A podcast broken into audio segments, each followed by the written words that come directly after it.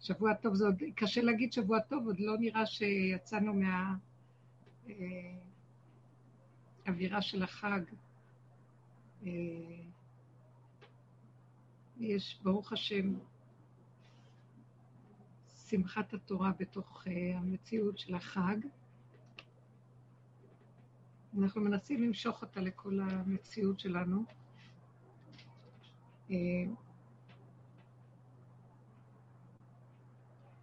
אולי אה, נדבר קצת על העניין של השמחה, למרות שאני לא, לא נוהגת לקחת אה, נושא ולדבר עליו, אלא זה נכלל בתוך כל העניין של הדרך. כי כל העניין של הדרך שלנו, שאנחנו עובדים בה, היא איך להגיע למצב שאנחנו מנתקים את המוח שלנו מהמציאות. כי מה שקרה הוא, תיבת עץ הדעת השתלטה לנו על המציאות של החיים, ואז אנחנו, מה שהיא עושה, היא מנתקת את המושגים ממציאות החיים. שאנחנו לוקחים, בואו ניקח נושא כמו אהבה, או שמחה, בואו ניקח את המושג של שמחה. שמחה, אז אומרים לנו, אנחנו להיות, צריכים להיות שמחים, שמחת תורה. בואו נגיד, שמחת סוכות, שמחת התורה. חג הסוכות הוא חג השמחה. למה באמת חג הסוכות, שזה נקרא ושמחת בחגיך, שיש עניין בחג הסוכות דווקא העניין של השמחה. אה, כמו שניסן יכול להיות התחדשות. אז מה העניין של השמחה דווקא? השמחה בטבע היא חייבת להיות תלויה בדבר, במקום, בזמנים. אבל אם אנחנו לוקחים את המושג שמחה, כל העניין של השמחה זה כל הזמן להיות בשמחה. זאת אומרת, זה לא דבר שתלוי במשהו. השמחה קיימת כל הזמן, האהבה קיימת כל הזמן, המושגים קיימים כל הזמן, התכונות, אבל אנחנו צריכים להפוך אותם למציאות קבועה בחיים שלנו. מה שלא נותן לנו להפוך אותם זה עץ הדעת. זאת אומרת, התודעה של החיים, של עץ הדת, היא אומרת, לא, יש זמן כזה, כמו שקהלת אמר לנו, אה, עת וחפץ וזמן לכל דבר תחת השמיים. עת לשמוח ועת לבכות, עת שלום ועת מלחמה וכן הלאה. שיש זמן כזה מתחת לשמיים, זאת אומרת, תחת השמש, שזה תודעת עץ הדת, שהיא תלויה במציאות של זמן ומקום, אז אנחנו חייבים להיות מכווננים, עכשיו שמחים, עכשיו עצובים, תשעה באב עצובים וכן הלאה. במציאות של האמת, שזה נקרא, שמתגלים אורות האמת, אור המקיף, שהוא מעבר לזמן ולמקום. מה זאת אומרת הוא מעבר לזמן ולמקום? הוא נכנס לתחום הזמן והמקום, אבל הוא משחרר את הזמן, משחרר את המקום. איך הוא נכנס בעצם. הסוכה מסמלת את המצב הזה שאנחנו יוצאים מהבית, מהמקום של תודעת עץ הדת, מה שאנחנו רגילים, ואנחנו יוצאים למקום שהוא נראה שהוא ארעי, אין לו סדר, זמן, מקום, מושג מיוחד כזה או אחר. ודווקא זה המהות של השמחה, שאנחנו יוצאים מתודעת עץ הדת המותנית, שהיא אומרת לנו ככה או ככה או כך, ואז אנחנו מתחברים לזמן שהוא כל הזמן, ולמקום שכל דבר יכול לקרות בו, וכל המושגים יכולים אה, לחול עליו. כשיש שמחה תמידית, בבריאה יש שמחה תמידית, אבל זה לא שמחה כמו שמחה של עץ הדת. היא שמחה שאינה תלויה בדבר, היא שמחה שקיימת בעצם הקיום. עצם הנשימה יש שמחה, כי אני נושם. עצם המציאות שלי, שאני חי אותו במצב, איפה שאני לא נמצא, איפה שלא יהיה, בלי שהוא תלוי בכלום, זאת אומרת, הוא לא תלוי בכך שתודעת עץ הדת מתחילה להתנות. אם ההוא הרגיז אותי, עכשיו אני מתרגז, ואם מה שרציתי לעשות לא הלך לי, אז עכשיו אני כועס, אני עצוב, או אני מתוסכל. המצבים האלה שולטים עלינו כל הזמן, ואנחנו חיים בתוד... קל לי לדבר, אנחנו חיים במצב כזה, אבל כל העבודה וכל המציאות שלנו בדרך שאנחנו עובדים בה, זה לא לתת משמעות, במילה אחרת, לא לתת פרשנות, משמעות, התרגשות לכוח שמפרש את הדברים, שזה תודעת עץ הדת. למה שאני לא אתן לו? כי אני לאה, אני עייף, אני רואה שהוא... נמאס לי לחיות תחת ההשפעה שלו. נמאס לי מעבדות. נמאס לי להיות תקוע בו. אז עכשיו, בוא נגיד, איך אנחנו נחיה את החגים והמועדות תחת המהלך הזה? כי ימות המשיח זה לאט לאט מתפרק, המושג של עץ הדת, התכונות שלו מתפרקות, אבל עדיין נשאר מעגל השנה, נשאר, ולאט לאט לאט אנחנו נראה שינויים. מה יהיו השינויים? שאנחנו נגיע למקום שלא יהיה אכפת לנו המשמעות והפרשנות, אלא נהיה תמידיים, כמו קורבן התמיד. תמיד מציאות תמידית, שאם המוח לא מציק לי, אז אני איך שאני ככה זה בסדר גמור וטוב לי. זאת שמחה פשוטה. שמחה שאני לא, עצם זה שאני לא תלוי בבית, בתפיסת הביטחון או הסדר או אה, מה שמקובל או מה שרצוי או איך שזה נהוג. אם מסתדר לי, טוב, אם גם לא מסתדר, זה לא מניע אותי. זה לא שובר אותי, זה לא מצער אותי. שמה נמצאת שמחת אמת. היא לא צריכה להיות יוצאת מהגדר ומהכלים. זו שמחה פשוטה, קיומית, שאין בה עצבות, אין בה צער, אין בה נרגנות, אין בה, היא לא תלויה במצבים, היא לא תלויה בפרשנות, היא לא תלויה במה ש... המוח אומר לי, צריך להיות מאוד חזק כדי להגיע למקום הזה. ואני שמה לב, כי אנחנו בהרבה מצבים נמצאים במציאות שהסובב שלנו משפיע עלינו. אז כל פעם מחדש אני אומרת לעצמי, ברגע שמתחיל משהו להידלק, שאני יכולה להיכנס למצב של השפעה ופרשנות, אה, אני רוצה לתת דוגמאות, אבל אז אני חושפת את המציאות של עצמי, אבל אין דבר. אה, קיבלתי איזה דיבור ממישהי שקשורה ל... לאחד התלמידים החשובים של רב אושר, ואז היא אמרה לי שהוא אמר שאני נוהגת אה, הוא נתן איזו ביקורת מסוימת, לא חשוב, אני לא אכנס לפרט. נתן איזו ביקורת. זה לא היה ביקורת, הוא לא התכוון לבקר, הוא אמר עליי איזה משהו שלי, כמו למשל, בוא ניקח דוגמה, אני נוהגת במידה כזו או אחרת. אני נוהגת במידת אה, הדין, או במידת התקסמות, או במידה... ואז לרגע, שהיא אמרה לי את זה, ישר הרגשתי איך שזה מתחיל להיות משפיע עליי, שהוא אמר עליי איזה דבר, זה לא בדיוק זה, אבל יהיה דבר אחר. ואז אמרתי לעצמי, ורגע לרגע אמרתי, ישר משהו, נוצר אצלי התנגדות מהדיבור הזה. ואמרתי לה איזה שתיים, שלוש מילים, ואחר כך תפסתי את עצמי ואמרתי, אל תיכנסי בזה. הוא אמר, אז בסדר שהוא אמר.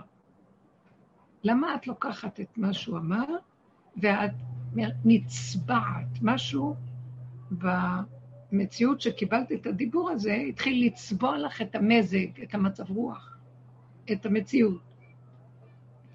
אני כן צריכה להקשיב, יש שם דבר שאני צריכה להקשיב. אבל בין להקשיב לדבר, בין להסכים איתו, לבין ישר להיכנס למצב של אה, התרגשות והשפעה ראיתי שזה משפיע עליי לכמה דקות, ונכנסתי כאילו לאיזה מגננה, אה, וכמעט נכנסתי להסביר למה אני באמת, כמו שהוא אומר, אני הודיתי בזה. אבל אחרי זה ראיתי שזה יכול להיכנס לחלל של המציאות שלי ולגרום לי אה, מציאות של אה, צער. ואז ברגע אחד תפסתי את עצמי ואמרתי, אני נותנת דוגמה איך אנחנו יכולים לעבוד על המקום הזה. ואמרתי לעצמי, אז הוא אמר, ויכול להיות שזה נכון, אולי הוא מתכוון שזה לא טוב, אבל זו המציאות, ואני מודה בזה, לא רציתי להתחמק ולהצטדק. אני מודה, ואחרי רגע אמרתי, אבל זה לא חייב שאת תתבוססי בזה. אז הודית, וקיבלת, ונכון, וישר נפתח לי המוח, ואמרתי, אז אני צריכה להתנהג ככה ולא ככה, ואולי הייתי צריכה זה, ולמה לא עשיתי זה, ואולי אני הולכת לא נכון, וישר המוח התחיל להיפתח. ואז אמרתי לעצמי, ברגע אחד שאת סוגרת את המוח ומשלימה עם הכל, את פותחת בשנייה אחת פתח חדש, שאת לא מה שזה. את לא בביקורת הזאת שאמרו, או את לא, אפילו אם את מודה שזה נכון, אחרי רגע את במקום אחר לגמרי. את בשנייה אחת מעבירה דף ונעלמת, הולכת למקום חדש. זה לא חייב להיות המציאות. שזה עוד קיים. זה רק רגע אחד שזה נאמר, זה רק דיבור אחד שאמרו, וכרגע את צריכה להיזהר לא להתרחב, אמרתי לעצמי, לא להתרחב ולהתבוסס בזה ולהתרגש מזה ולהיות במצב של חלישות, כי זה יכול לעשות לי חלישות בהרגשה, חלישות בדעת. ואז אמרתי לעצמי, בשנייה אחת, הרגשתי ככה, בשנייה אחת, ממש, שהחלטתי שאני מקבלת, אני לא סותרת, אני לא בורחת, אני מקבלת, מודה, מבקשת רחמים, ואחרי רגע אני אומרת, נגמר. הודית, ביקשת, אמרת, את יכולה בשנייה להפוך דף ונגמר הסיפור. תתחדשי בכיוון חדש. תיכני, תשלימי, תקבלי, אל תתנגדי. תיקחי את זה ותעבדי ותודי, ועכשיו מה? מהיום אני אהיה משהו חדש. לא. העברתי דף ומחקתי את זה מהמוח, תפסתי איזו נקודה קטנה ואמרתי לעצמי, אני לא רוצה להיות במקום הזה. וזהו, ברגע שהבן אדם אומר, לרגע השתנה המזג לגמרי, ונהיה לי שמחה ורגיעות. שמחה פשוטה, של מה? אין שמחה כהתרת הספק. הספק זה אני כן אהיה, אני לא אהיה, ממחר, עכשיו לא, למה עשיתי, כן עשיתי, אה, הביקורת הזאת היא לתועלת, לא לתועלת, איך אני... אני לא... אי אפשר. אי אפשר. אני לא יכולה לשנות את מה שהיה. אני יכולה לחיות הרגע. והרגע הזה, אני מקבלת את זה במצב חדש, נעלם כל הדיבור הזה ונהיה לי שמחה. כאשר בתוכי כן לקחתי איזו מסקנה, שאמרתי לעצמי, הוא יראה לך שאת בסכנה.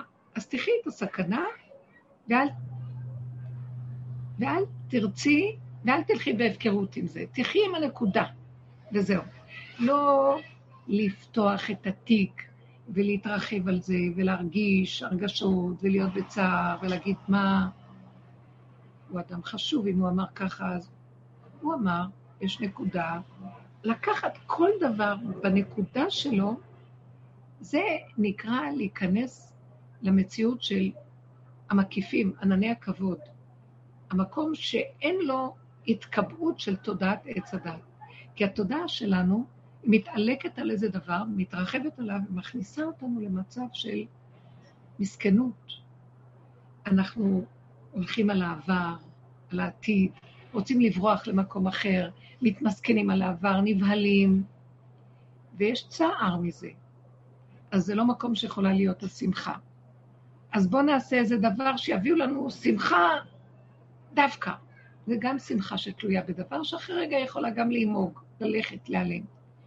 שמתי לב שאני פשוט סוגרת את המקום הזה של הרגש, ואומרת לעצמי, קחי נקודת אמת מזה, דיבור, יש שם איזו חוכמה קטנה, יש מסקנה, יש איזו נקודה ש...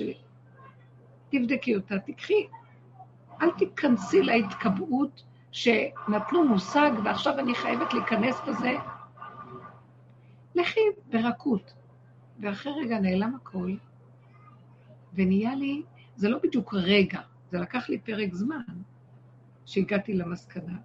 וכשהגעתי למסקנה, חזרה השמחה הפשוטה, כאשר אני יודעת שיש לי יסוד כזה. הפגם הוא יסוד של הקשר שלי עם בוראי. אם אני הולכת בתודעת עץ הדת עם הפגם, אני ישר רוצה להיות צדיקה, לעשות תשובה, לחזור בי, לקבל על עצמי, יש לי חרטה, יש לי כאב, ואז אני מאבדת את יסוד השמחה. יש מקום אחר. כן אמרו איזה משהו, אני לא מתעלמת, יש נקודה. אני לא רוצה להתקבע איתה באיזה צבע, צורה, מושג, לקטלג אותה, לסדר אותה במדף של הספרייה, ספר הזיכרונות והחשבונות, כלום.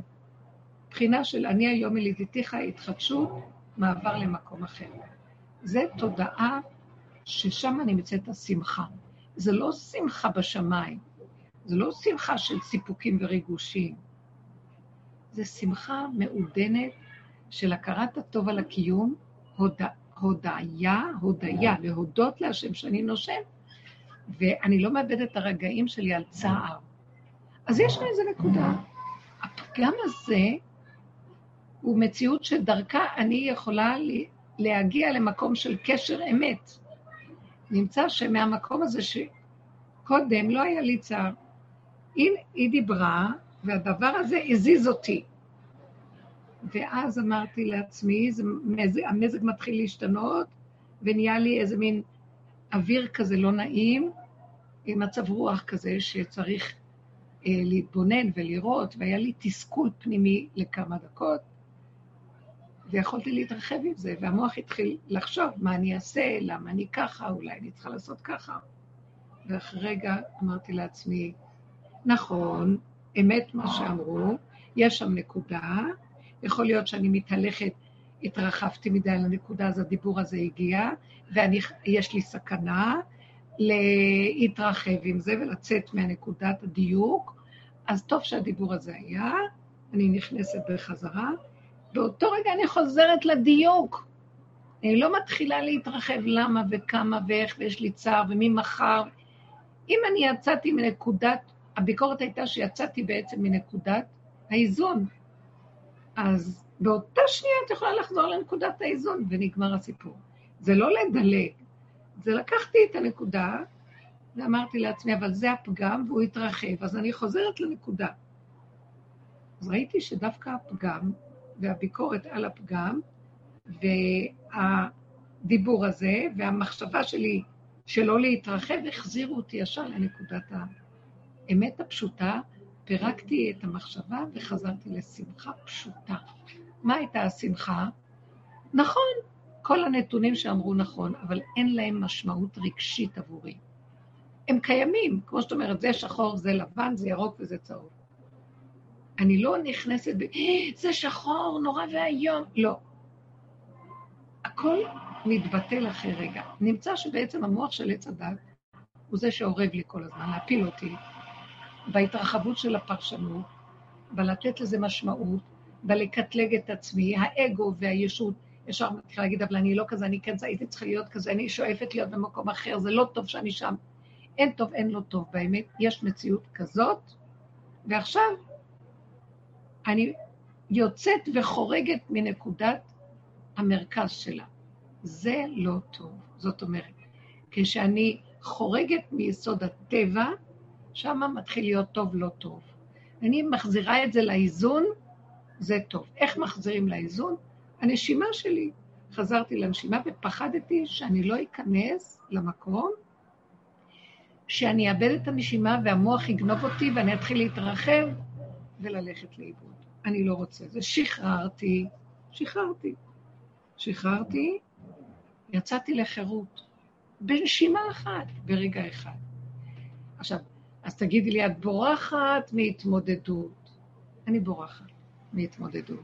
זה אפילו לא בריחה, אני בורחת מההתרחבות של העבודה על ההתמודדות. ואני חוזרת לקו האיזון. הנה, למה לי לעבוד כל כך קשה, כאשר אני יכולה בשנייה אחת להגיע לאותה נקודה ולהגיד, טוב, אז אם כך, אם נניח הביקורת הייתה על זה ועל זה ועל זה, אז הנשימה הזאת שאני נושמת, כאן עכשיו אני נמצאת, זהו. בוא נניח שבאותו רגע מגיע אותו ניסיון שיכול להכשיל אותי, אז הוא מוצא אותי באיזון. ובאיזון אני תופסת ישר את הנקודה ומתפרק כל הביקורת, מתפרקת כל ההתרחבות, ונשאר נקודת אמת פשוטה, וזו הייתה המטרה של כל הדיבור. זאת אומרת, בשנייה אנחנו יכולים לחזור. כשבני אדם מדברים ביניהם ואחד אומר לשני משהו, אז נכנסים להתרגשות. קודם כל, נעלבים, אה, אחר כך מתחילים להרגיש חולשה, אחר כך רוצים לענות ולהתנצח ולהצטדק, אה, אחר כך יש נפילות הרוח אה, וחלישות הדעת על מצבנו, כי אנחנו לא במקום שחשבנו שאנחנו, ואז אני מוריד לעצמי ציון, ואז יש לי תסכול, ואז נפתח ספר הזיכרונות והחשבונות, ואני אומר כמה עבודה עשיתי וכמה אני עוד לא מגיעה, ואז נהיה לי עצבות, ואז, ואז, ואז, ואז, ואז. ולא קרה כלום. שימו לב איפה נקודת האיזון והאמת נמצאת בנקודה קטנה אחת פשוטה. אה, קראנו בפרש, בכל דברי, בקריאה של שמיני עצרת, שהקדוש ברוך הוא אה, מבקש מאיתנו, הנה, על שנת השמיטה. אז הוא אומר ככה, מקץ שבע שנים תעשה שמיטה. וזה דבר השמיטה, שמות כל בעל מה שידו, אשר ישה ברעהו. לא יגוס את רעהו ואת אחיו, כי קרא שמיטה להשם. זאת אומרת, מה זה, מה העניין של השמיטה? לעזוב את תוכנת, את, בוא נז... בפשט של הדברים, שש שנים זורעים את השדה, בשנה השביעית אנחנו צריכים אה, לשמוט את השדה, הכוונה לתת לו מנוחה מכל העבודות, לא לעבוד, לא לעבד אותו, לא לזרוע, לא לחרוש, לא לעשות את כל המלאכות שקש... שקשרות, שקשורות בעניין של האדמה. וזה נקרא שמיטה, יציאה לחופשי. משחררים, אה, העבד, אם הוא רוצה יכול לצאת לחופשי, יש הזדמנות של הפסקה. ממה? ממה שמקובל ומה שידוע ומה שמותנה בכל ששת השנים. השש, הסיום של השש זה שנית, שמיטה. כלומר, השש מסמל את סדר הטבע, שישה ימים, שישה סדרים, כן ולא, טוב ורע, נכון או נכון, תודעת עץ הדעת. גם הששת אלפים שנה של קיום תוכנית הבריאה קשורה לזה לפי אה, המסורת המקובלת עלינו. מה זה השבע הזה שמופיע? שמות כל בעל משה ידי, ידו אשר ישב ברעהו. זאת אומרת, ברגע אחד אתה שומט את הכל ועומד. עכשיו, אין אדמה, אין יבול, בוא נגיד חובות, אין חובות, אין, הכל ברגע אחד, אין חשבון. זה דבר מפליא. התהליך הזה של השמיטה זה כמו שבת, נכנסת שבת, קצת לפני שבת. רוצים עוד לעשות איזה תבשיל, רוצים לעשות עוד איזה עוגה, יש עוד איזה שתי דקות, שלוש דקות, אומרת, אפשר לשמוט את הכל ולהיכנס. מה שעשינו, עשינו. איך שזה ככה, ככה. עוברים לתודעה חדשה, תודעת השבת, תודעת שנת השבע. אותו דבר בדיוק בעבודה שלנו. אנחנו בתהליך של שמיטת תודעת עץ הדת. זה כבר לא שמיטה שאחר כך זה יחזור, זה, זה נראה לי, זה שמיטה של יובל. ממש חירות, שנת החמישים, שבע פעמים שבע, שומטים, תשובו איש אל אחוזתו. מרגישה שהדרך הזאת היא ממש, היא לא רק שמיטה קטנה, כי תמיד בכדור הזה היו אנשים שעבדו ככה, בקטן. עכשיו זה הולך להיות בגדול. מין מצב של לשמוט את התודעה הזאת. אה, זה חייב לזה, חשבונאות, יש צער, יש רוגז, זה ביקורת על זה, אני רוצה לעשות עבודות, התכונה כזאת או אחרת, מוסר, עבודת המוסר לעשות תשובה, עשיתי ככה, לא עשיתי ככה, אני לא רוצה להיות כזאת, אני רוצה לשנות תכונה, אני רוצה להגיע למדרגה, אני רוצה להשיג איזה מציאות אחרת. תודעת שנת השבע היא אחרת לגמרי. היא להרפות ולהפסיק לתת למוח לספור שש, ואחר כך יש שבע. שבע. בשנייה אנחנו מגיעים למה שאנחנו רוצים, למנוחה, לשלווה, לשלום, לרגיעות, לשמחה, לאהבה. המוח קשה לו, המדוזה, שזה תודעת עץ הדת, היא מתעלקת על הבן אדם. וכשהיא מכניסה אותו כבר לדבר, לך תשתחרר. זה כל כך קשה לשחרר את האחיזה שלנו של התודעה של עץ הדת, כי היא כבר מוסיפה זה ועוד זה ועוד זה ועוד זה ועוד זה, וזה נהיה מכדור קטן לגדול, כדור שלג מתגלגל, לך תפרק אותו. זה נראה בלתי סביר. למה פתאום עכשיו אני צריך לעשות שלום עם השונא שלי? בשנייה אחת שאני יכול לעשות שלום עם השונא. בשנייה אחת שהשנאה יכולה להתהפך לאהבה. בשנייה אחת שהעצבות הכי גדולה יכולה להיות שמחה. אבל המוח לא נותן את זה, כי הוא מכניס אותנו לסעיפים, הוא מסתעף, הוא מתבלבל, הוא מורכב, יש לו המון תהליכים ומשמעויות ופרשנויות ואפשרויות. ואז יש ייאוש, איך אנחנו נשחרר כאשר, רבותיי, אין כלום. זה דבר מדהים. הדרך הזאת שאנחנו עובדים, אם אנחנו מתאמנים עליה, אנחנו לומדים לשחרר. למה? למה שאני ארצה להרפות? כי בן אדם שהוא נכנס בתודעת עץ הדעת, שהוא חי בה, והוא כבול בהרגשים שלה, בפרשנויות המשמעויות, הוא אפילו מתמכר לה, הוא מתמסר אליה ומתמכר, הוא מתמכר לכאב, הוא לא יודע שהוא תקוע, הוא אפילו, יש לו, צר לו, הכאב תמיד מצער את הבן אדם. תגיד לו, בשנייה אתה יכול לצאת מזה, בוא נראה אותו אם הוא יצא מזה. הוא לא יכול לוותר לצאת מהצער. קשה לבן אדם לצאת מהאחיזה.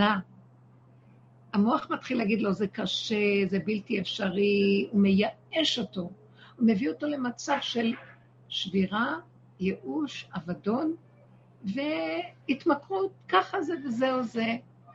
הוא יורד למקומות שהם דמיון ולא מציאות, לא אמת, והם נראים לו כאמת. עד שהוא חלילה מאבד את נפשו ממש. וזה שקר גדול, אין שום דבר.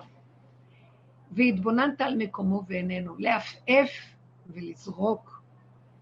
לא רוצה להיות. אני אגיד לכם את האמת, באותו רגע שנתנו לי את הביקורת הזאת, זה לא הייתה ביקורת. פשוט אמרה לי מה הוא אמר. ישר, זה לא היה ביקורת אפילו, והוא אדם צדיק בתכלית.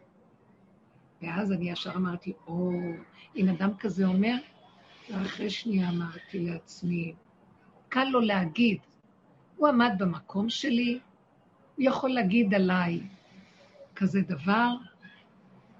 אה, וישר ראיתי איך שהמוח שלי מתחיל לקחת אותו ברצינות, ואת הדיבור שלו, וכבר הלביש את זה על הדמות, אה, איך הוא היה מתנהג במצבי, וראיתי שאני מתחילה ללכת לאיבוד.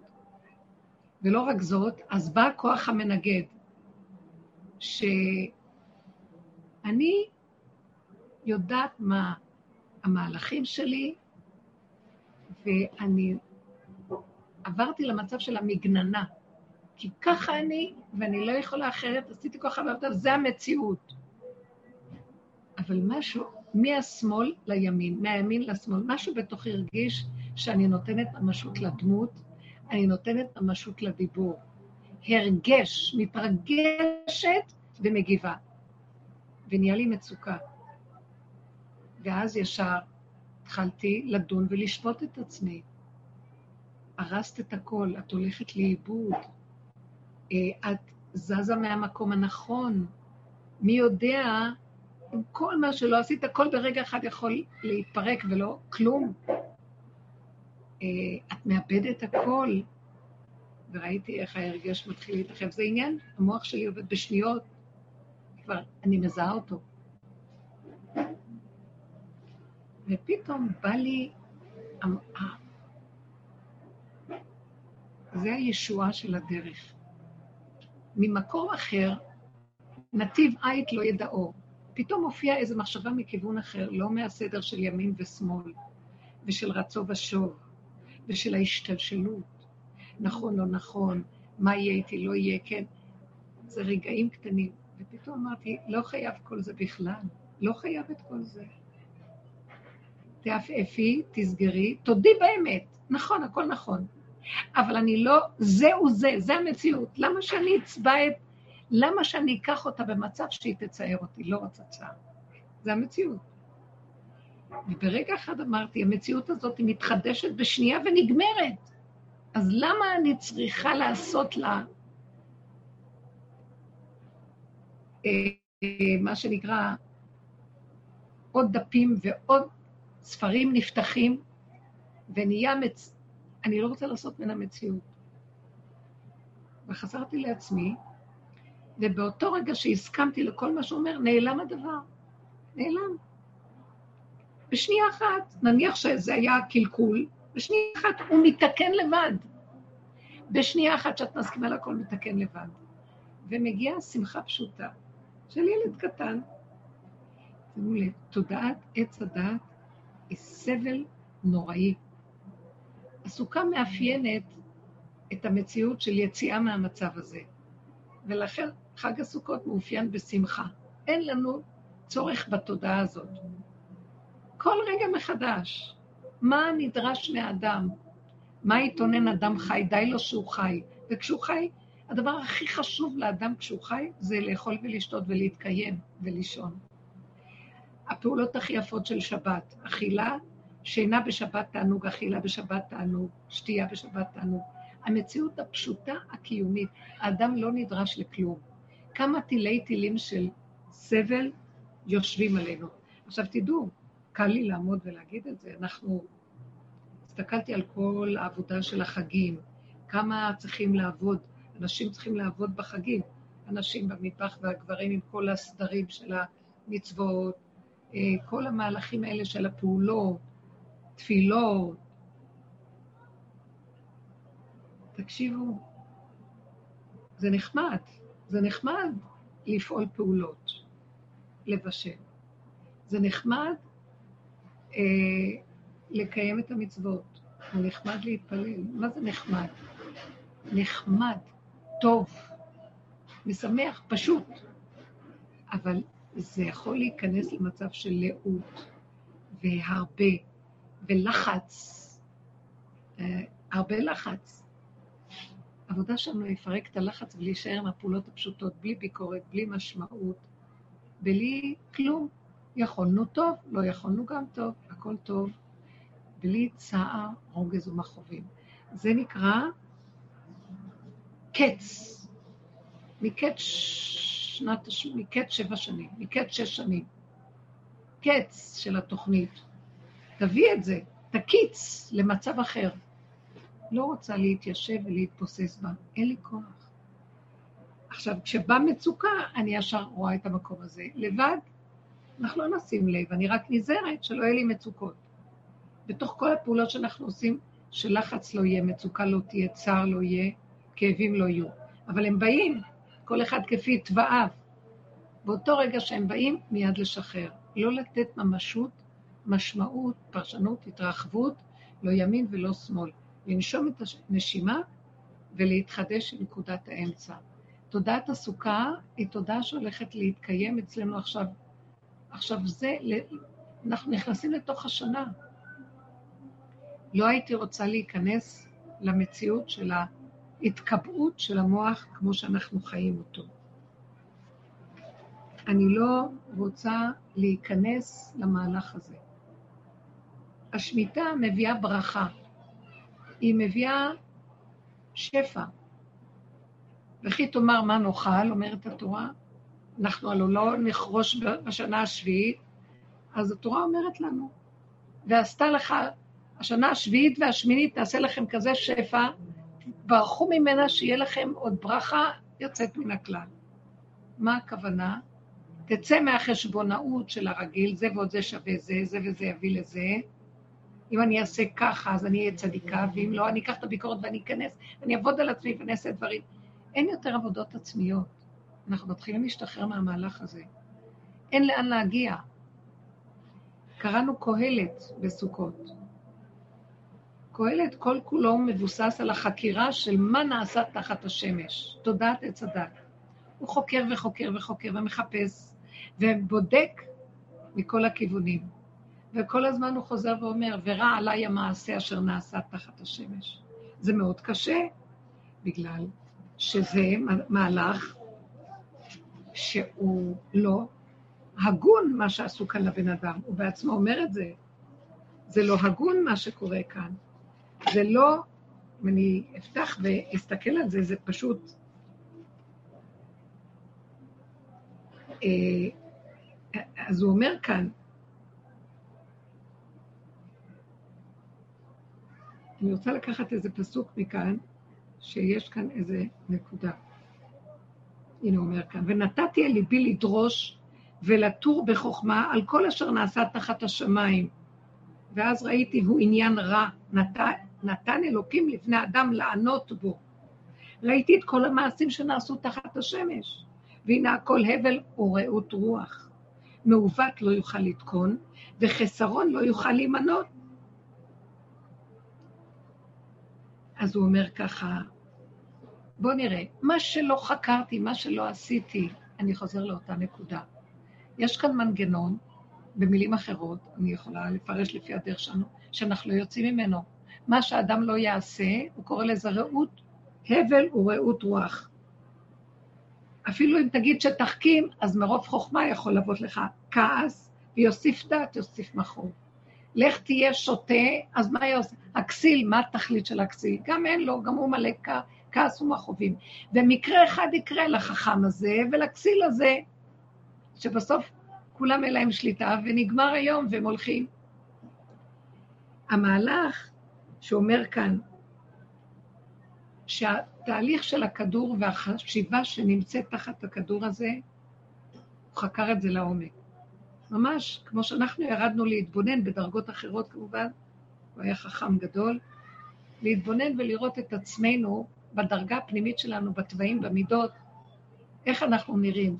כמה שלא נעשה עבודה, אנחנו חוזרים על אותה תכונה ככלב ששב על קיאו. עושים בלי סוף, עובדים במוסר, עובדים בצדקות, ואז הוא אומר, למה לך להיות כל כך צדיק? אל תצדק הרבה. למה תשומם? בסוף תהיה צדיק, מה יצא לך מכל הצדקות? מי יודע אם אתה תקבל על זה משהו או לא, באמת, אפילו שאנחנו יודעים שאנחנו נקבל שכר. אבל שימו לב, ברובד האמיתי, השכר הוא... כמה שלא נקבל שכר על מעשים טובים, יש עוד דין גם על דברים אחרים שאנחנו עושים, אנחנו לא שמים לב אליהם, ואנחנו צריכים לחזור ולהתגלגל ולסדר אותם. אז נמצא שאף פעם לא ייגמר הדבר הזה, נותנים לנו שכר על הטוב.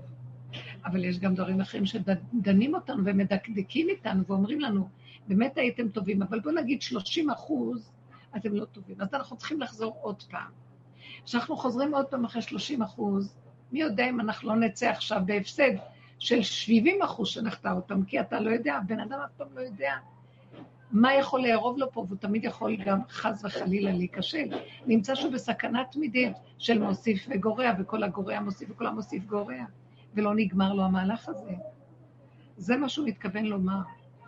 אבל יש דבר מאוד מעניין, שפתחו פתחים בסוף התודעה, בסוף השנים, בסוף שנת האלף השישי, שאנחנו מגיעים לקצה שלו, ואומרים לנו, השערים מתחילים להיפתח לכם להכיר שבעצם אה, הכל הבל הבלים, הכל הבל. הכל שטות ורעות רוח. למה, מה הוא אומר? באיזשהו שלב הוא גם אומר, אל תצטער. למה לך לעבוד קשה. לך אכול בשמחה את לחמך ושתה את מימיך, כי רצה אלוקים את מעשיך. אל תחשוב הרבה. תחיה את מה שאתה, תחיה את הרגע שלך ותשתדל לחיות איתו, שתהיה בהכרת הטוב, בקטנות, בהתמעטות, בבקשת תודה, הכרת הטוב, בקשה של ריבונו של עולם, אל תעזוב אותי, תן לי לחיות את הנקודה הזאת ולא להתרחב. המוח ייקח אותנו ויגלוש אותנו למצבים שאנחנו עוד פעם מסתבכים בהם. על כן כל עבודה פשוטה לקראת הסוף מגיעה למקום שבו נהיה פשוטים ונלך בתמימות. זה ה... גם אני לא אוהבת להשתמש במילים, אמונה תמימה, בוא נהיה בשמחה. אני לא אוהבת את המילים, המילים אין בהן משמעות כבר, אבל לחיות את הדבר. מה זאת אומרת? לא לחקור מדי, הכוונה לא להתחיל להיכנס במוח ולחפש, אלא להישאר בפשטות ולהיזהר לא להתרחב. לחזור, כמו שאומרת התורה, לשמוט, שמיטה, משה כל ידו. זאת אומרת, כל, תשמטו את החובות, חשבונאות. תשמטו את המוכר והידוע, האדמה שהיא מוכרת וידועה לאדם. מה, מה עכשיו יהיה איתי? תודעת הבית, תודעת עץ הדת המוכרת, הספרייה, המושגים, לא חייב, לא חייב, לא חייב, לא חייב. נשימה, הרגע, איך שזה ככה. מה כן חייב מתוך כל המציאות, שזה מה שמוביל אותי, שאני רגועה. מחוברת לרגע, הרגיעות נגזרת מהמילה רגע. שלווה, הכרת הטוב, תודה. אה, וזהו, מה עוד? הפחד, מה מחר, לא מחר, כן, אני אעשה, לא אעשה, שקר. אין מציאות כזאת, היא דמיונית, אין מציאות כזאת. אנשים סובלים דיכאונות, חרדות, פחדים, דאגות, מה יהיה הפרנסה, אין דבר כזה, אין דבר כזה. יש רגע אחד, אנחנו, נכון, אנחנו עכשיו כבולים בתוך תרבות שיש לנו חובות ומחויבויות ואחריות וכל מיני דברים, ואנחנו כבר לא יכולים להגיד אין דבר כזה שיש חובות. אנחנו יכולים להגיד דבר כזה. חוב זה מושג. בואו נוציא ממנו את הרגש, את המשמעות.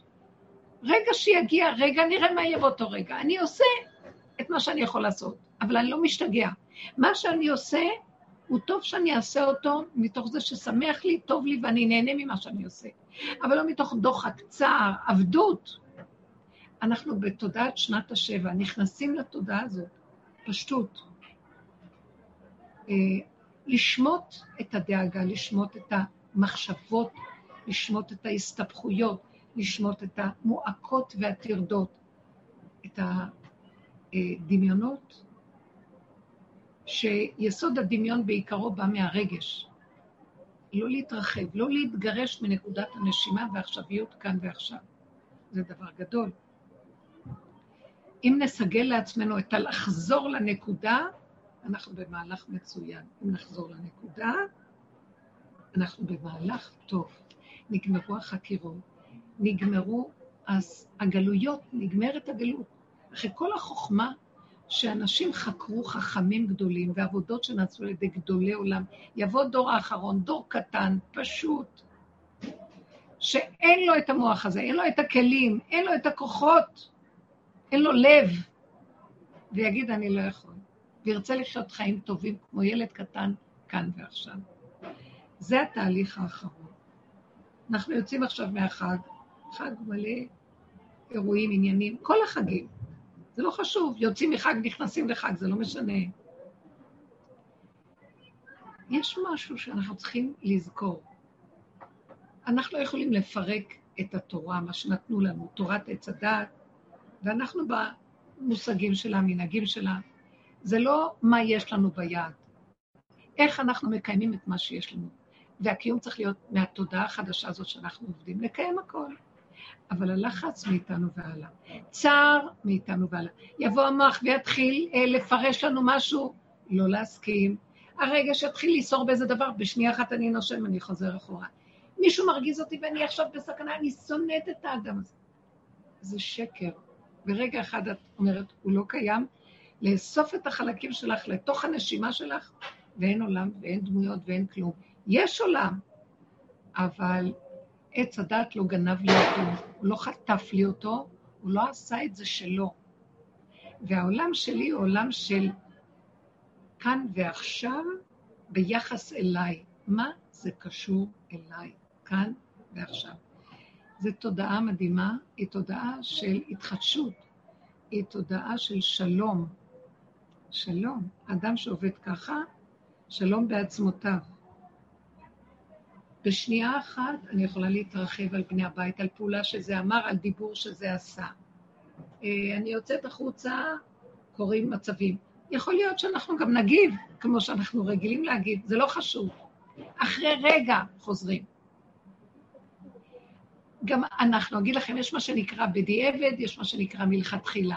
אה, בדיעבד, הייתי צריך מההתחלה לא להגיב. אני אגיד לכם את האמת, אין מלכתחילה, יש רק בדיעבד. בדיעבד הכוונה לאחר מעשה. אי אפשר רק לאחר מעשה, אין לפני מעשה, אין כזה דבר. כי איזה הוא חכם? מן הניסיון. החכם חייב ליפול. אנחנו מציאות של נפילה, אנחנו תמיד בדיעבד. זה שקר שהמוח של עץ הדת אומר, יש מלכתחילה. לא היית צריך להגיע למצב הזה. טעית. אין טעות. איך שעשית והלכת, ככה זה. אתה צריך לחזור, תחזור. גם אין לאן לחזור. תתחיל מקום חדש, מהלך חדש, שזה כאילו חזרה לקודם, אבל זה חדש, אין קודם. והתבוננת על מקומו בינינו. אין כלום. תמיד זה בדיעבד. המציאות שלנו היא ממש המלכתחילה, בוא נגיד, אה, יש אנשים שהם יתאפקו והם לא ייתנו לזה לצאת, ויש אנשים שיוצא להם ואחר כך הם לומדים מזה. זה שיצא לו לאחר מעשה, הוא במצב יותר טוב. זה שיכול עוד להתאפק, עוד יכול לחשוב שהוא יכול עוד להחזיק. זה שנפל, גם את זה אין לו. יותר טוב לשני שנפל. כי אין לו מה לגנוב, כי הוא יודע שהוא לא יכול. זה המלכתחילה. כי אדם צריך, צריך תמיד להישאר במקום שהוא לא. ולא להישבר מזה, ולא להתרגש מזה, וזה נקודת ההתחדשות. אי אפשר לנו לשבת מראש מסודר. זה שקר של המוח של עץ הדת, שרוצה להיות כאלוקים, מושלם. אבל האדם הוא מציאות של חיסרון. כמו שהוא אמר, קהלת, מעוות לא יוכל לתקון. מעוות לא יוכל לתקון, וחסרון לא יוכל להימנות. אין סוף לחסרונות. זה המציאות פה. אין לאן לברוח. אז בואו נקבל את זה. ובאותו רגע שקיבלנו והסכמנו, ונכנענו לנקודה, לא בשיוורון של טוב, בלי ברירה, בדיעבד, אלא הסכמנו, כי ככה זה המציאות שלי. באותו רגע נגמרת התודעה של תחת השמש, והכל בסדר. איזה tricky זה. איך הכל כאן tricky? אנחנו נגנבים פה בצורה לא נורמלית, כאשר בשנייה אחת הכל יכול להשתנות. בני אדם יכולים ללכת לאיבוד בגוף, בנפש, בנפש ובגוף, לאבד את גופם מרוב צער, כאשר יש רגע אחד ואין כלום. ואם אנחנו היינו לומדים את הנקודה הזאת, איך להיות בקיאים בה, בכוונה להיכנס ולצאת, עד שבסוף את אומרת, המהלך נהיה מאוד קטן, ובקלות את מזהה את הנקודה.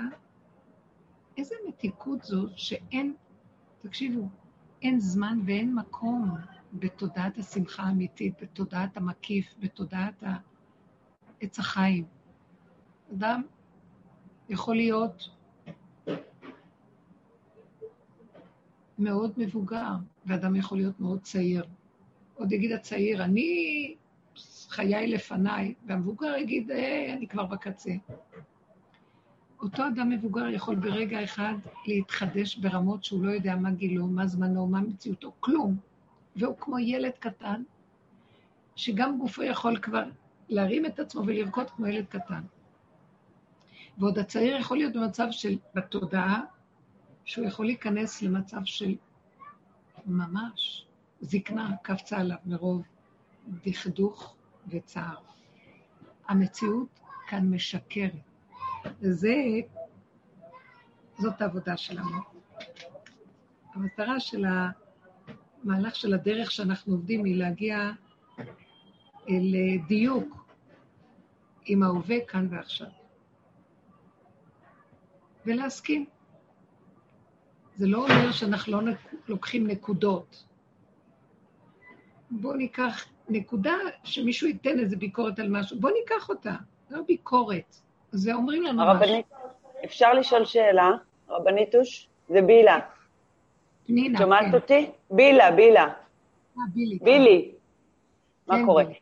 אז אוקיי, אני מדברת עכשיו מתוך הניסיון, בוא נגיד לא במאה אחוז, קצת אחרי, חצי שעה אחרי.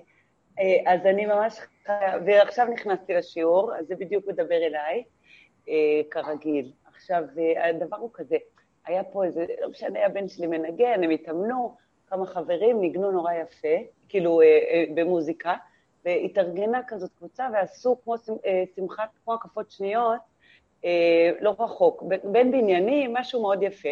אני לא הספקתי, הגעתי ממש בשיר האחרון, זה היה חצי שעה, וידעו ש... לא ידעו, אבל היה סכנה שהמשטרה באמת תבוא ותפרק את זה, ואכן כך היה. איך שהגעתי, התפרק כל הסיפור. לא הספקתי, שיר אחד אולי שמעתי. בקיצור, התחושה שלי היא ממש של פספוס. במיוחד שעוד ניסיתי להרדים קודם את התינוקת והתעכבתי, כביכול, מלכתחילה הייתי צריכה פשוט לצאת איתה ערה, במילא היא גם לא נרדמה לי, לא משנה. הקיצר, אני יצאתי עם תחושת פספוס וזה הביא לי עצבים ממש. כי גם באה המשטרה ועוד נתנו קנס וסיפורים ועשו בלאגן ופירקו את כל השמחה.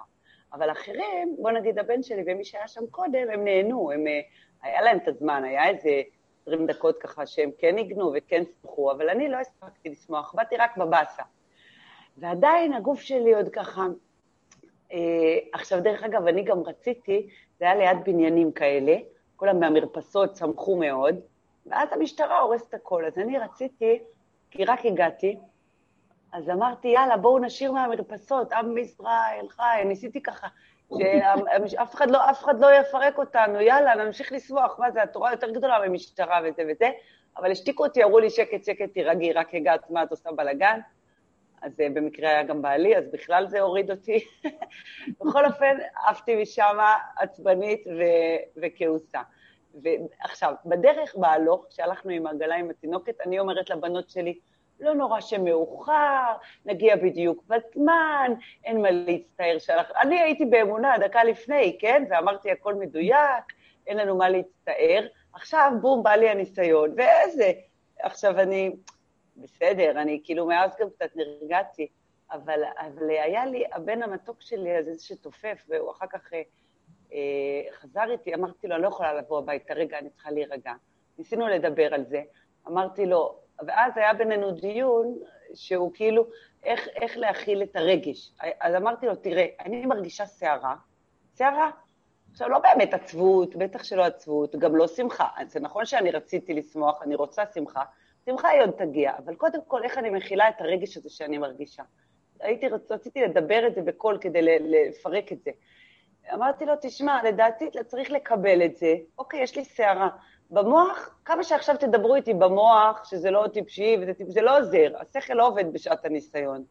אז, אז ניסיתי להכיל, אוקיי, יש לי סערה. יש לי סערה, יש לי סערה, יש לי סערה, עד שהיא מתפרקת. אז, אז זה נכון, אז כאילו, זהו, מצד שני עכשיו הגעתי הביתה, עוד פעם פה הסעירו אותי ככה. אה, מה שנקרא מכיוון הבן זוג, אבל שוב, אבל האמת, האמת היא שאני רעבה. זה הכל התחיל שלא אכלתי סעודה שלישית, וכל הערב הזה התגלגל ככה, וגם הרעב, בסופו של דבר גם הרעב והצמא משפיעים פה על הגוף ועל העצבים. כן. אז עכשיו אני שומעת אותך, ואת אומרת, אין עולם ואין אנשים, אבל כשאתה בתוך הצהרה יש עולם ויש אנשים. נכון. אז בואי תדברי עכשיו, תמשיכי להרגיע אותי מכאן. כן, בילה ליקרה. תודה, מאמי. הנקודה היא שיש עולם באותו רגע של הסערה. אבל כל העבודה שלנו, כמה להמשיך, כמה משך של עולם יש, כמה אנחנו ממשיכים את המצב הזה. Okay. כן. כי בסופו של דבר, זה ההתאמנות. אה, יכולת להגיד, אוי, מה יהיה כאן, וגם קנס, ואז המוח מתרחב, אז בכלל עכשיו הצער גם שלא אכל מצטרף, והרעב, והמר... וכל החיים נהיו נכסים, ובשנייה אחת המוח הזה מתרחב עלינו, והוא מנדב לנו גם מאתמול ושלשום, ובכלל איך החיים. וכל העבודה היא פשוט לנשום את הנשימה, הלוא במילא את הקנס נתנו, הלוא במילא אני, ולא לעשות עניין כמה שאפשר לחזור. מי יהיה בן אדם שיעשה את זה יותר מהר מהבן אדם השני? אני מרגישה שזה שהאיסורים של החיים חרוטים על, על לוח ליבנו, ולא רק ליבנו, על עצמותינו גם. ואין לנו כבר כוח. המציאות, זאת המציאות של חבל לי להשקיע, זאת אומרת ששחקו אותנו כל כך במשך החיים, ואדם שמתבונן ועובד ונכנס, הוא מרגיש את השחיקה, ואז הוא מנדב את זה, דווקא זה כלי טוב לעבודה. לא רוצה, הוא לא יושב מלכתחילה, תשבו בה בדיעבד. אני במילא... אם היינו יושבים במציאות הנפילה, לא היה קורה לנו נפילה, כי אנחנו כבר נפולים. אבל אנחנו כל הזמן, התודעה של עץ הדת מקים אותנו מהנפילה ושם אותנו ברף גבוה, על, על כיסא גבוה. אה, גם למשל, שהם עשו שמחה, מאוד יפה, למה לא לשמוח? בשנייה שאנחנו יוצאים מהגדר הנכון של השמחה, מה היה הגדר הנכון? כאן ועכשיו. שמחה שאינה תלויה בדבר, אנחנו שמחים. אבל ברגע שיוצאים ומתחילים, וואו, אנחנו על הגובה, יבוא המשטרה, יבוא הכוח המנגד, יבוא משהו שיפריע לנו. וזה מחמת שהשם אוהב אותנו. אז הוא אומר לנו, טוב, אז תחזרו בכם. אז אם לא עשינו את זה קודם, לפני שהיה כל הסיפור, אז נעשה את זה אחרי. אז גם אחרי הוא גונב. לא מספיק שהוא גנב קודם, גם יגנוב אותנו אחרי. נכון שקל לי לדבר, אבל זה לוקח קצת זמן. אחרי כל כך הרבה שנים של העבודה בילי, את יודעת, כן. אה, את אומרת לעצמך... לא, זה נכון, אני לא מאוד התרגשתי. זהו, דבר מאוד יפה שקורה לך, זה מאוד יפה, מצא, מצא חן בעיניי, שאמרת, פתאום נזכרת שאת רעבה. שימי דגש על הדבר הזה. משהו חדש שמגיע שישמח את ליבך, לכי תאכלי. אני אומרת לך, לא נשאר הרבה. לכי תאכלי, כן. תעשי זה, ויעזור לך מאוד לסלק, ברגע שאדם אוכל משהו שהוא אוהב וטעים לו, שימו לב כמה זה משפיע על המחשבה השלילית. לא לתת לשלילה הזאת לצבוע לנו את החיים. אה, כן. מה שקורה, קורה, אין לנו שליטה פה על המהלך. זה יכול לקרות. נכון. אה, לא, הרגשתי שכאילו צריך לתת לרגש, לתת לו להירגע לבד, כן. לתת לו. אי אפשר, גם אני ראיתי שהיא אמרה לי את הדיבור שהיא אמרה לי, אז היה לי רגע של כאילו, אה, רגע של אה, צער או כעס, או איזה, לא יודעת איך להרגיש את ההרגשה שיצאה לי, או התנגדות, או משהו, אני דיברתי על הדוגמה הזאת, שביקרו, כאילו נתנו לי איזה דיבור, ואז אמרתי לעצמי, אז בשנייה אחת אני יכולה ללכת לאיבוד, לימין, לשמאל, לכל הכיוונים, ואני אוציא את כל מיני... תחזרי לנקודת האמת. נכון, בואי תכירי באמת, נכון. זה מה שאמרו, הוא נכון, הוא נכון. גם אם הוא היה לא נכון, הייתי מוצאת נקודת נכון בו, כי תמיד כל מה שאומרים יש נקודת נכון. אז אני מודה, ברגע שהודינו והסכמנו, מתגלים הרחמים, מודה ועוזב ירוחם. יש משהו מאוד יפה בהכרת ההסכמה. לא לחנוק ולברוח. להסכים. נכון, היה לי רגע של... נדלקנו, טבע של עץ הדעת, אנחנו... זה המגרש בית שלנו, מאוד קשה לנו לפרק את הכל ולהיות כבר במקום אחר, זה לא ככה. יגיע הזמן שגם אני מרגישה שהשם נותן לנו עכשיו הרבה עזרה, ולבד זה מתפרק. פעם היינו נשברים הרבה יותר, עכשיו יותר בקלות אנחנו חוזרים למציאות של האמצע. אז משהו מלמעלה עוזר לנו שלא נשבר מכלום ושנסכים לכל מה שלא קורה. וזה נכון. עזרה גדולה. את שמה לב, פעם הייתי יכולה, אני הייתי יכולה הרבה יותר לסעור, ולקח לי כן. הרבה יותר זמן. עכשיו... נכון, עכשיו אני כבר יושבת מבסוטה על, הס... על הספה ומקשיבה לך, אז תענוג. אין שום דבר שלא. ישר, עוד דבר שמאוד עוזר לי, ישר אני אומרת, אה, קחי את הנקודה הכי גרועה, תשבי בטוב, אז הכל מתגמד. שיקחו אותי לבית סוהר, נניח, אה, בואי נגיד קנס, שלא יודעת... לא, זה נכון, זה נכון, אני כל הזמן חושבת על השואה, המון, כל יום כמה פעמים. אה, אז שמצבי טוב, זה מאוד עוזר, הפרופורציות. אבל, אבל... ברגע שאנחנו הולכים אל המצב היותר שלילי, להקצין בשלילה, זה משחרר את המצב הזה.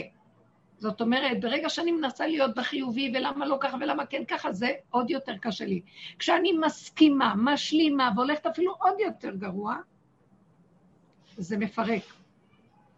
אז בעצם, מה שאת אומרת, אה, כי אני ממש מרגישה קשר, הלכתי עם הבנות בהלוך, לא ידענו שאנחנו מגיעות לסוף, אמרתי להם, כן, הכל מדויק, ונגיע מתי שנגיע, ודיברתי כל כך יפה, אמונה, והכל בסדר, ואל תדאגו שאנחנו באות מאוחר, ואחר כך בפנים שלי ראיתי איך אני עצבנית מזה, ואיך זה השחיר לי הכל. אז דווקא, והרגשתי ש... אז שוב, השואה באותו זמן לא הייתה עוזרת לי, הכל פרופורציות, תירגעי, כשיש ניסיון אני לא עומדת בו, וה, והכעס, כאילו, הרגשתי את זה בדם שלי, אבל הרגשתי גם שאני צריכה לתת, הכל, גם כאילו לא התרגשתי מזה שאני מתרגשת. יפה. זה בקטע טוב, זה בסדר, אז אני עכשיו עצבנית, אני עצבנית, אני עצבנית, נגמר. אז זה מה שקורה עכשיו. אני אומרת שהשערים של התודעה החדשה נפתחים. ואפילו שאנחנו עדיין עם הספיחים של תודעת הבית, במרכאות של עץ הדעת, ואנחנו מגיבים, ויש לנו דפוסים שחוזרים על עצמם, לא להתרגש. ולהסכים. ובשנייה אחת אני שמה לב, אני מחליטה, אין כלום. זה עוזר לי מאוד, באמת אין כלום. זה כמו חלום שהיה, והתעוררת ממנו ואין כלום. זה מאוד טוב, זה מאוד טוב. אפילו אם יש לו ספיחים של, אה, בוא נגיד, צריך לשלם קנס, ואז צריך לג... לא חשוב, כרגע אני לא רוצה להיכנס לצער. אדם צריך לשחרר את ההרגש, ולא נכון, יש נתון שצריך לעשות אותו, אבל הוא בלי הרגש, הוא בלי אה, צבע, הוא בלי אה, התרחבות. זה חיים אחרים לגמרי. וכשאנחנו מתנהגים ככה, גם השם יזמן לי את מה שאני צריך לנתון, לתת אותו בקלות. זה חיים אחרים לגמרי. מה שכובל אותנו פה בעיקר זה הפרשנות, המשמעות, הרגש, ההתרחבות וההתחרבות. אנחנו נחרבים כתוצאה מזה. תודעת השמחה אה, האמיתית, אז את יודעת מה? כל התזמורת וכל מה שהבן שלך עשה עם החברים, אינו שווה לרגע אחד שאת חוזרת בך, צוחקת, נהנית מהאוכל שלך, ואומרת, זאת השמחה. שימו לב, אז זה שמחה שאנחנו רגילים בחגים להיות שמחים בשמחת התורה, להרים את הספרים, לעשות זה וזה וזה. זה שמחה יפה. אבל אנחנו שמחים בתודעת עץ הדת. כאשר התורה היא תורת האמת, אנחנו רוקדים עם הספרים, שזה יסוד האמת. ואנחנו רוקדים איתם ושמחים בהם איך שתודעת עץ הדת יודעת לה. עכשיו, רגע אחד של אוכל לא מוכן וכלום לא יסתדר, מתחילים להתרגז, או כל מיני דברים. אז הרגע אחד שרקדנו עם השמחת תורה הזה, כשבא עת ניסיון, כאילו נעלם, אז איפה התורה? זאת התורה. אני התורה, אנחנו התורה. מבשרי, מהרגע של ההתנסות ובדיעבד של הנפילה, שמה זאת התורה. התורה נמצאת במציאותי, היא חיה איתי, איך שאני ככה. גם כשהם רקדו והם שמחו באותו רגע זה בסדר. באותו רגע שנתנו להם את הקנס, זה היה להם רגע של צער, אם הם מביאים את זה למצב של קטן קטן ואין כלום, אז התורה מתקיימת בפסיעות, הנה התנסות וזה מתקיים. אם אנחנו חיים כל רגע את הדבר איכשהו ולא מתרחבים בפערים בין לבין, זאת התורה. זאת מלשון הגשמה, מלשון הווה, נוכח, זאת. מצביעה לדבר ואומרת זה, זה כלי וענווהו. אנחנו רוצים להגיע למקום שאנחנו נזהה במוחש את הכוח האלוקי. את יודעת איפה הוא נמצא? הוא נמצא ברגע הזה שאני לא נותנת לרגש, לא נותנת להתרחבות, ימין ושמאל תפרוצי, הנה הוא מתגלה. והרגע, כאן ועכשיו, בהשלמה, בפשטות, בקטנות, איך שזה ככה. יש שם שמחה תמידית, פשוטה, קטנה, מתמידה, נצחית. זה המקום של גילוי אלוקות. בשבת אה, הקריאו שם שעל משה איש האלוקים, שאור החיים היה אומר, כתב עליו, שכל העולם לא יכול היה לעמוד במקום של משה. כי משה הוא היחידי שעמד בדין של השם. על כן, כי הדין של השם זה האלוקות. רק... ומשה איש האלוקים. אז הוא היה במקום שיכול לעמוד בו, שאדם יכול להגיע למקום של אלוקות. אף אחד לא הצליח להגיע למקום הזה, זו מידת הדין מאוד גדולה. לעמוד להיות, יכול להגיע למקום כזה. ואז הם, אור החיים כתב את זה. ואז אני אמרתי, אז איך הוא הגיע למקום הזה? אני הקשיתי ככה.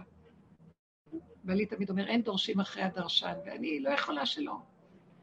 אז אני אומרת, רגע, אבל איך הוא הגיע למקום הזה? אז הוא אמר, זה היה משה, האיש האלוקים. אמרתי לו, לא, אני רוצה רק, מה היה התהליך שהוא הגיע, איך יכול להיות שאדם יגיע למקום כזה? אז עוד פעם חזרו ואמרו, כי זה היה משה, אבל עדיין לא הסבירו לי איך. ואז אני אמרתי, בגלל הדרך, בזכות הדרך, אמרתי להם, אני אגיד לכם, לדעתי, איך הוא הגיע. הוא הגיע לכך שהוא אמר, עמד לפני השם ואמר, אף אחד לא יכול לעמוד בדין שלך, השם. אין אחד שיכול לעמוד בדין האלוקי. גם לא משה. כמו שכתוב באיוב, כי לא יצדק לפניך כל חי, ואין בקדושיו באיוב. אין בקדושיו לא יאמן, ובמלאכיו ישים תהלה. מלאכים, אי אפשר לסמוך עליהם שהם יעמדו בדין. לא כל שכן אדם. אז איך משה הצליח להגיע? אז אמרתי להם, בגלל שמשה אמר להשם שהוא לא יכול, הוא הודה באמת הגמורה, שהוא לא מציאות שיכול. כלומר, במציאות, נפילת מציאות האדם. אני לא יכול. העובדה שמשה, שהשם שולח אותו לגאול את עם ישראל, הוא מתחמק מזה. והשם אומר לו, אני אהיה איתך, אני אשלח את הארון, אני זה, הוא כל הזמן מחפש סיבות למה הוא לא יכול, לא רוצה ולא יכול. זאת אומרת, שכשהוא הכיר את מציאותו כמציאות של נפילה, שיכול ליפול, כי הוא תחת תודעה קשה, יש כאן קליפה קשה של תודעת עץ הדת, הוא יכול בקלות ליפול בה, הוא ילך לפרעה, בקלות הוא יכול ליפול בה. כמו שהוא הרג את המצרי, הוא לא יכול היה להתאפק. הוא היה חזק, חם, עם מזג חם וכעס, עם כל הגדלות שלו. עם כל הגדלות שלו, שהיה בעל רמה ומידות שלא לתאר, המידה היותר גדולה שלו מהכל, זה מידת ההכרה בחיסרון וההודאה בה. ומזה הוא הגיע להיות איש האלוקים. כלומר, שהוא הודה שאמר אני לא יכול. זאת אומרת, היו לו הרבה מידות ומעלות גדולות. אבל המעלה היותר גדולה של הכל, שהוא אמר, כל המעלות האלה אינן שוות רק למעלה אחת גדולה, שאני מודה באמת ואומר אותה. אני לא יכול, ואני לא נשבר ממנה, אני רק אומר, זה מציאותי. זה מה שאמר רבי שמעון בר יוחאי, שאני יכול לפתור את כל העולם מן הדין, כי אני אבוא לפני השם ואני אגיד, אף אחד לא יכול לעמוד בדין. וזה הכרת אמת, ודוד המלך אמר, חטאתי נגדי תמיד. כי אף אחד לא יכול לעמוד בדין, אבל אנחנו עוד מנסים להיות יכולים. בגלל זה יש לנו שיוורון. השיוורון הוא כתוצאה מזה שאנחנו אומרים, אוי, הייתי יכול ורק במקרה, עוד רגע אני אעשה משהו אחר, ומאחר ועוד רגע אני אפול, אז אני נכנס לפלונטר של שברון, שברונות, במקום לעמוד ולהגיד, אבל אני לא אמור להיות יכול. כשאדם מודה, וכמה שיותר מהר, אז הוא פחות סובל. אבל זה לא בריחה מהתמודדות. זה מיצינו, אנחנו דור של סוף הדורות, ולא יכולים יותר לסבול ולעשות עבודות כמו כל הדורות. כי כל הדורות עוד, המוח של עץ הדת, הזיכרון שלו, של אני יכול וייתן כאלוקים, היה עוד בח... בחיות, בגדלות. ואנחנו, הדור האחרון יגיע למקום שבקלות יכול להגיד לא יכול, לא רוצה להיות יכול גם. אין טעם להיות יכול, בשביל מה? זה חסרון, לא יוכל להתקן, מעוות לא יוכל לתקון. וחיסרון לא יוכל להימנות. אז למה אני מתאמץ? וזה מה שקהלת כל הספר שאומר, בשביל מה אדם מתאמץ? החכם מחכים, וזה עושה ככה, וזה צובר ממון, וזה עושה לו אה, שידה ושידות, ו... וארמונות פאר והכל, ומה יוצא לו בסוף? מעשה הכסיל, מעשה אדם יקרה לו אותו דבר. מותר אדם מן הבהמה עין. ובסוף הוא אומר דבר פשוט, כי טוב לכלב המת מן האריה החי. אה, כי טוב לכלב החי מן האריה המת. יותר טוב כבר להיות כלב פשוט שחי, מה שהאריה הגדול הזה שבסוף מת. בסופו של דבר להבין את הנקודה היא ההשלמה והכרת החיסרון והפגם. אין פתח יותר גדול לאלוקות מזה. ואז אמרתי, אז ככה משה הגיע לאלוקות. ולכן הוא נקרא משה ענב מכל אדם. הוא הסכים להגיע להכרה, וזה לא סתם דיבור מהפה לחוץ. תגיד, אני לא יכול, וזהו. קשה לאדם להגיד, אני לא יכול, יש לו יסוד של אגו וכוח פנימי שלא נותן לו ושובר אותו ומחפש עוד פעם להגיע למדרגות ולהגיע ליכולות ולהגיע אה, אה, לשאיפות ומה לא. וכל העבודה היא, עכשיו, אנחנו לא רוצים להיות כאלה שלא עושים כלום, ויושבים בדכדוך ואומרים, לא יכול, אני לא יכול, לא רוצה. לא, לעשות הכל כרגיל, אבל כשזה מגיע למצב של להתחיל לשאוף, כלומר, לפרוס כנפיים ולהתחיל לעוף, מיד לשים את הרגליים על הקרקע ולהגיד, לא עליך המלאכה לגמור, ולא אתה בן חורין להיבטל ממנה, אז תעשה מה שאתה יכול. ותשמח, תשמח בתורה, תשמח בזה, תעשה את זה. רגע אחד הגיע משהו שמזיז אותך, תסכים ותגיד, בסדר גמור. מחדש, הכל בסדר, החזרת אותי לנקודה. שם נמצאת שמחת אמת, שמחה של הסכמה למצבים, מי אני? אני יציר נברא של השם, שהוא הבורא, ואני רק המשנה שלו, אני לא המשנה אפילו, אני כאילו כלי שלו על מנת שהוא יתגלה. זה מה שהוא רצה בבריאתו. טיפסנו מדי גבוה, הלכנו מדי רחוק, העולם רחוק, רחוק, רחוק, מי יחזיר אותו? לך תחזיר עכשיו את העולם לנקודה הזאת, כמה עבודות נעשו אלה שעובדים בדרך, כמה שברונות, כמה מצבים, תסכולים מאוד גדולים, ובסוף מי שזוכה, זוכה. הנה, בילי מדברת, ואני יודעת, אני חברה איתה הרבה שנים בדרך, הרבה מאוד שנים.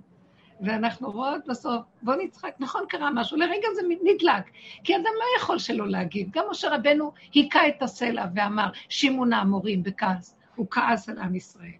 למרות שהשם אומר לו, תדבר ברכות אל הסלע.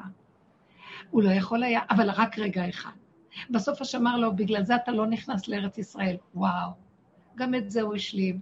נכון, הוא עשה השתדלות להיכנס בתפילות שלו, אבל הוא השלים. הכל השלמה, איך שזה ככה, הכל. מה זה חשוב לפני, אחרי, ככה או לא ככה? מהמקום הזה מתגלה הבורא עולם, ואז מהמקום הזה האדם זוכה לנקודת האלוקות. זאת אומרת, שהוא מקבל את המדרגה, הוא לא מצד עצמו יכול, הוא מסתופף בנקודה של ההכנעה, הוא נהיה כלי, ועליו מתגלה האלוקות. ואדם לא יכול להגיד, אני אלוקי. עד הרגע האחרון, משה איש האלוקים, הוא תמיד נשאר איש, והאלוקים מציאותו. האדם הוא נברא תמיד, והבורא חי וקיים, הוא בורא לעד.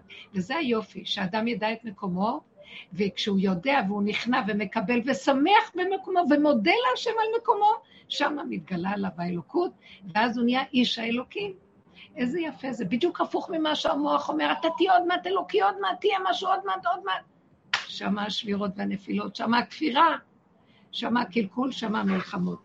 גם הוא היכה בסלע, נכון? גם הוא היכה בסלע. גם הוא היכה בסלע, בדיוק. זה הנקודה שלנו להבין. כן. היי, שבוע טוב, יש לי שאלה. במקום הזה של ה... של... שאת אומרת שאנחנו מזהות נקודה, את הנקודות של הפגם ומודות בזה, אז יש איזו נקודה ש... שזה שאני מודה בזה, אני כאילו מחכה שזה יתהפך. ובעצם כשאני מחכה שזה יתהפך, זה גם לא קורה. את מבינה מה אני מתכוונת? כאילו המקום זה להשלים, ולא לחכות גם שזה ישתנה, נכון? להשלים עם זה ממש, גם אם זה נקודה. עצם ההודעה, חנה, עצם ההודעה, שאנחנו מודים, מודה ועוזב. באים הרחמים, זה הגילוי. הרגע, הרחמים זה השקט, זה השלווה, זה הסכמה, זה רגע של צחוק. ילד קטן, הסחת הדעת מהמוח הזה שרוצה שנהיה אלוקים, והוא בא לצייר ולהרוג אותנו למה אנחנו לא אלוקים, אנחנו לא. אז עצם זה שאת מסכימה לדבר, שם נמצאת ההכנעה. ההכנעה הזאת, שם נמצאת המתיקות. השאלה, אם את אומרת, טוב, אני עושה את זה רק כדי שיהיה לי עכשיו הכנעה, לא. תסכימי, בעצם ההסכמה יש אלוקות, יש שקט, יש רגיעות. תסכימי. הכוונה שלי זה בעצם ההסכמה, לא, ב, לא שעכשיו אני מסכימה כי אני מחכה שזה, שההסכמה תהפך לי את הפגם עוד פעם לחיובי. לא. להסכים שזה ככה ולא משתנה כרגע, עד שהשם ירצה לשנות את זה. עכשיו כן? תקשיבי, ברגע, בדיוק, ברגע שאני מסכימה, אין פגם. מתגלה טבע פשוט איכשהו ככה. אני מסכימה למה? שאיך שזה ככה. נעלם לי הפרשנות, המשמעות, אה, ההתרגשות, אז אני נשארת עם הנתון הפשוט איכשהו ככה, מה זה משנה? אז ההסכמה היא, היא דבר עמוק של פשטות. זה לא כאילו אני מסכים כדי לחכות לראות אם הפגם ייעלם. אין, הפגם נעלם באותו רגע שאת מסכימה. עצם ההסכמה מפרקת את הפגם. מה זה הפגם? הפגם זה טבע שהתלבש עליו פרשנות, משמעות, שרוצה צורה אחרת. ברגע שאני מסכים איך שזה ככה, נעלמת המשמעות ונשאר הטבע הפשוט שעשה כך וכך. נתון פשוט, עשיתי ככה, אמרתי זה, משטרה הגיעה, אה, ביקורת שניתנה לי, זה טוב, הכל בסדר. נעלמת המשמעות והפרשנות, זה נקרא פגם. הפגם פירושו של דבר שתודעת עץ הדעת עם הפרשנות והמשמעות וההתרגשות מתלבשת על הטבע ומרחיבה אותו. זה נקרא פגם. עכשיו, ברגע שאנחנו סוגרים את המחלקה של המוח הזה, נעלם הפגם. נשאר טבע פשוט, ילד קטן, שעושה מה שלא עושה, והכל בסדר איך שהוא עושה. אין משמעות. וזה מביא רגיעות ושמחה. אה, בני ביתי מחכים לי, הם כנראה עושים שם איזה משהו שהם קוראים לי, אז בזאת נסיים את השיחה, ושבעזרת השם, השבוע אנחנו עוד כמה שאני רק אוכל, אנחנו בעזרת השם נשדר ונהיה בקשר איתכן. אם אפשר להכין שאלות ולהביא דוגמאות, כי זה מחיה מאוד את השיעור.